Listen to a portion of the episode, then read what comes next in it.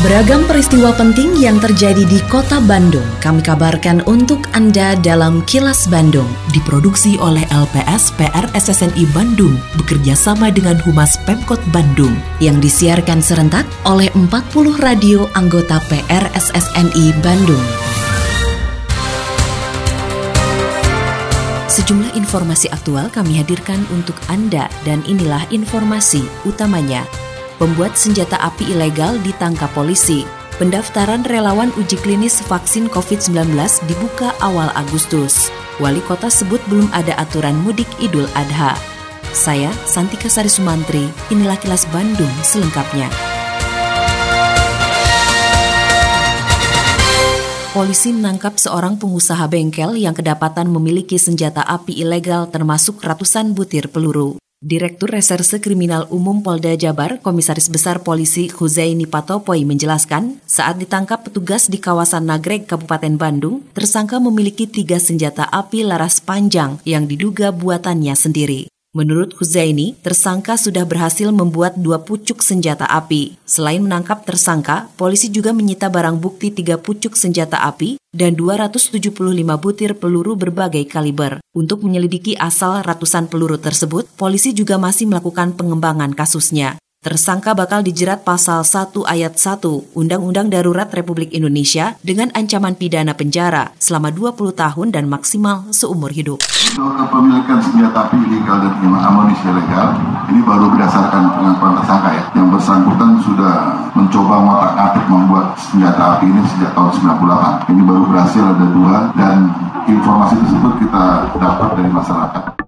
Sebanyak empat orang pelaku begal yang kerap melakukan aksi di kawasan Pasteur, Kota Bandung, ditangkap tim Resmob Polrestabes Bandung. Kapolrestabes Bandung Komisaris Besar Polisi Ulung Sampurna Jaya menjelaskan, dalam menjalankan aksinya, para pelaku mengendarai sepeda motor secara berboncengan. Setelah menemukan target sasaran, mereka berpura-pura terserempet oleh mobil korban. Setelah korban menepikan mobilnya, para pelaku melancarkan aksinya dengan melakukan penganiayaan menggunakan senjata tajam. Setelah korban tidak berdaya, para pelaku membawa kabur mobil korban. Kapolres Tabes mengatakan tidak perlu waktu lama bagi polisi menangkap para pelaku. Saat ini para pelaku yang telah ditetapkan sebagai tersangka bakal dijerat pasal 365 Kitab Undang-Undang Hukum Pidana adalah kasus curas yang mana melibatkan pelaku sebanyak empat orang yaitu pura-pura mereka mengendari sepeda motor seolah-olah serempet kemudian dia menghentikan mobil dan memaksa kemudian korbannya dibacok sehingga hampir meninggal juga berkena korbannya di sini kemudian dibacok kemudian dibawa mobilnya mobilnya mobil sedan warna putih Pendaftaran bagi masyarakat yang berminat menjadi relawan uji klinis vaksin COVID-19 dibuka pada awal bulan Agustus mendatang. Sebanyak empat puskesmas di kota Bandung, yaitu Puskesmas Dago, Puskesmas Ciumbuluit, Puskesmas Garuda, dan Puskesmas Sukapakir, sudah disiapkan untuk melakukan rekrutmen dan uji klinis vaksin COVID-19.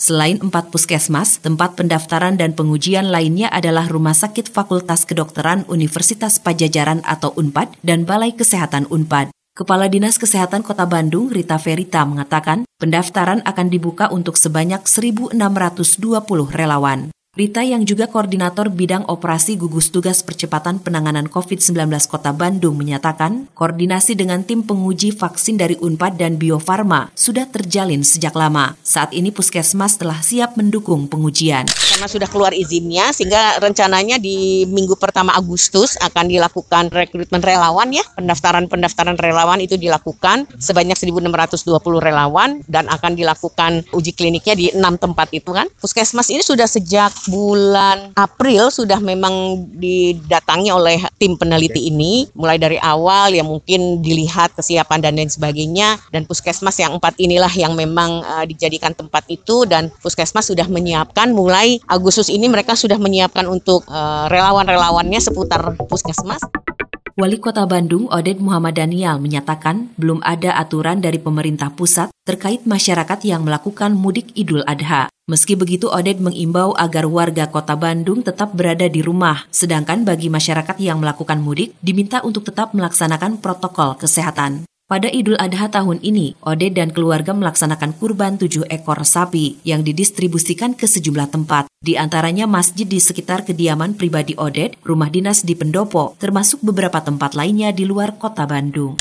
Begini semuanya kan nggak belum ada aturan ya, ya. yang ngatur baik dari pusat juga belum belum. Saya belum dapat kebijakan dari pusat belum ada kebijakan. Dan setelah seperti itu dan kekosongan kebijakan belum ada, saya kira untuk mudik Idul Adha ini saya hanya bisa menghimbau lah kalau ke Bandung, ya, sebaiknya di Bandung saja. Tapi kalau ada yang kangen hanya mencium di di lemur ya, ya silahkan saja mau pergi. Tapi dengan catatan, ya tetap namanya protokol kesehatan harus dijaga. Untuk mengantisipasi minat masyarakat yang ingin mudik pada masa libur Hari Raya Idul Adha tahun ini, PT Kereta Api Indonesia menambah perjalanan kereta api dengan mengoperasikan kereta api Mutiara Selatan, relasi Gambir, Bandung, Surabaya hingga Malang. Manajer Humas PT KAI Daerah Operasi 2, Noksi Citrea mengatakan, perjalanan kereta api Mutiara Selatan relasi Bandung-Surabaya-Malang dioperasikan pada 30 Juli, sedangkan perjalanan kereta api Bandung tujuan Jakarta dijadwalkan pada 3 Agustus. Meski menyediakan layanan perjalanan kereta api jarak jauh, PT KAI tetap menerapkan protokol kesehatan yang ketat, seperti mensyaratkan penumpang memiliki surat keterangan bebas COVID-19, wajib memakai masker, dan dalam kondisi sehat. Selain itu, penumpang diimbau memakai pakaian lengan panjang serta face shield untuk mengantisipasi minat masyarakat yang tinggi pada masa liburan Hari Raya Idul Adha 1441 Hijriah, PT KAI Dawab 2 menambah perjalanan kereta api dengan mengoperasikan kereta api Mutiara Selatan, relasi Bandung, Surabaya, Gubeng, dan terakhir ke Stasiun Malang. Perjalanan kereta api Mutiara Selatan, relasi Bandung-Malang dioperasikan pada 30 Juli 2020, sedangkan relasi Bandung-Gambir dioperasikan pada tanggal 3 Agustus 2020. Kini, Audio podcast siaran Kilas Bandung dan berbagai informasi menarik lainnya bisa Anda akses di laman kilasbandungnews.com.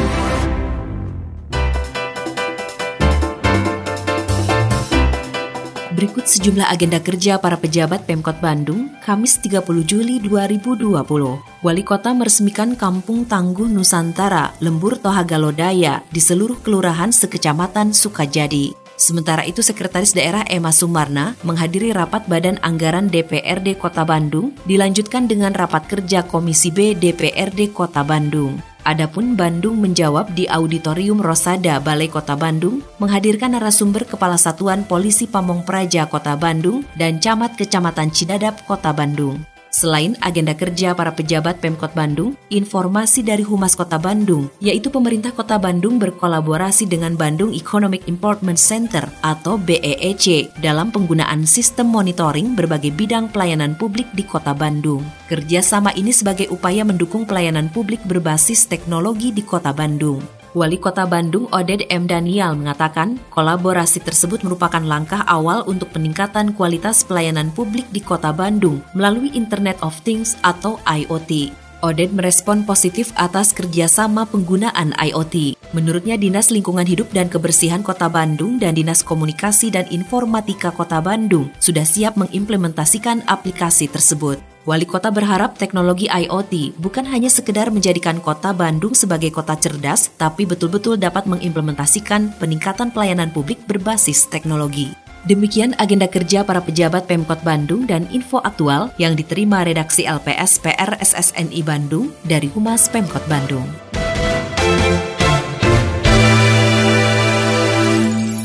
Terima kasih Anda telah menyimak Kilas Bandung bekerja sama dengan Humas Pemerintah Kota Bandung yang diproduksi oleh LPS PR SSNI Bandung.